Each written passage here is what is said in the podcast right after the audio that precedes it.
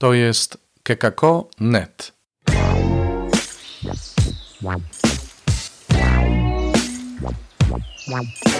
Poranny suplement diety. Komentarz ojca Alvaro Gramatika do Ewangelii według świętego Marka, rozdział 4, wersety od 26 do 34 na 11 niedzielę zwykłą 13 czerwca 2021 roku. Mówił dalej: Z Królestwem Bożym dzieje się tak, jak gdyby ktoś nasienie wrzucił w ziemię. Czy śpi, czy czuwa we dnie i w nocy, nasienie kiełkuje i rośnie. On sam nie wie jak. Ziemia sama z siebie wydaje plon, najpierw źdźbło, potem kłos, a potem pełne ziarnko w kłosie. A gdy stan zboża na to pozwala, zaraz zapuszcza się sierp, bo pora już na żniwo. Mówił jeszcze, z czym porównamy Królestwo Boże lub w jakiej przypowieści je przedstawimy. Jest ono jak ziarnko gorczycy.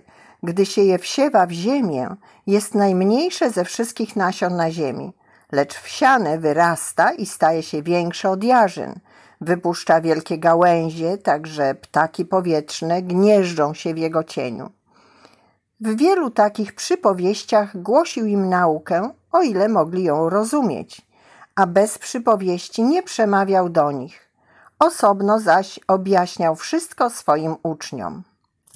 Fragment Ewangelii z dzisiejszej liturgii mówi nam o przepowiadaniu Jezusa skoncentrowanym na dwóch przypowieściach, które mają tego samego bohatera. Nasienie, ten sam wspólny mianownik czas. Zasiane ziarno rośnie, co wykracza poza nasze wysiłki i staje się tak duże, że oferuje schronienie ptakom. Czas staje się cennym narzędziem w rękach Boga. Jest to czas naznaczony pierwszeństwem i obecnością łaski. W ten sposób Jezus podkreśla pierwszeństwo daru Bożego i jego działania do tego stopnia, że nie ma przeszkód, by Królestwo Boże wzrastało w nas i by nasze życie, jakiekolwiek by nie było, przyniosło owoce. Bóg jest tym, który sieje w nas swoje ziarno.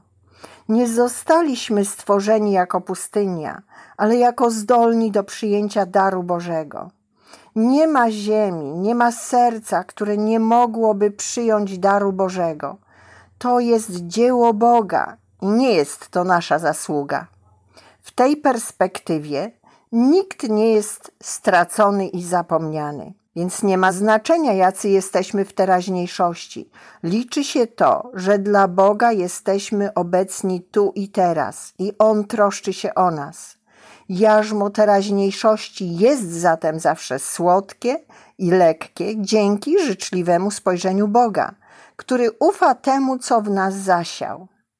To powinno otworzyć nas na wdzięczność za to, że jesteśmy tak kochani przez Boga, który robi wszystko, aby nasze życie było błogosławione. Oto tutaj jest wskazówka dla naszego życia.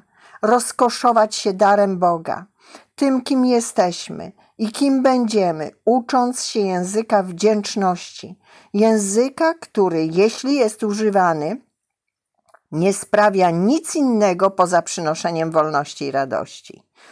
Do tego wszystkiego należy dodać fakt, że zasiane ziarno, choć najmniejsze ze wszystkich nasion, które znajdują się na ziemi, rośnie bardziej niż oczekiwano, aż stanie się dużą rośliną, największą z obecnych w ogrodzie.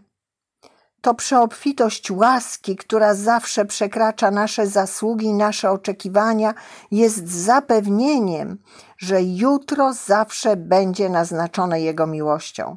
To pewność, że przyszłość nie może być obciążona naszą przeszłością, naszymi ograniczeniami, naszymi błędami. Nie ma znaczenia, kim byliśmy w przeszłości. Jutro nie jest naznaczone karą, ale obietnicą błogosławieństwa. Jeśli teraźniejszość otwiera nas na wdzięczność, to przyszłość jest naznaczona nadzieją i otwiera nas na odwagę i hart ducha. Już nie ma lęku. Nadzieja czyni nas silnymi i zdolnymi do stawienia czoła i przezwyciężenia każdej trudności. Nadzieja czyni nas spokojnymi w wierności i akceptacji życia. Oto druga wskazówka. Nie martw się o przeszłość ani niepewność przyszłości. Bóg zawsze będzie z nami. Naszą powinnością jest radość, ponieważ opiera się na Bożej obietnicy. Wdzięczność i radość są odpowiedzią na przypowieści o nasieniu. Wdzięczność i radość, które żywią się upływającym czasem, czasem, który jest sprzymierzeńcem Boga, który pozwala nam wzrastać w ufności do Jego wierności, pełnej miłości. To był poranny suplement diety. Czytajcie Słowo Boże, dzielcie się nim, na przykład pisząc na adres redakcja małpa.kekako.net.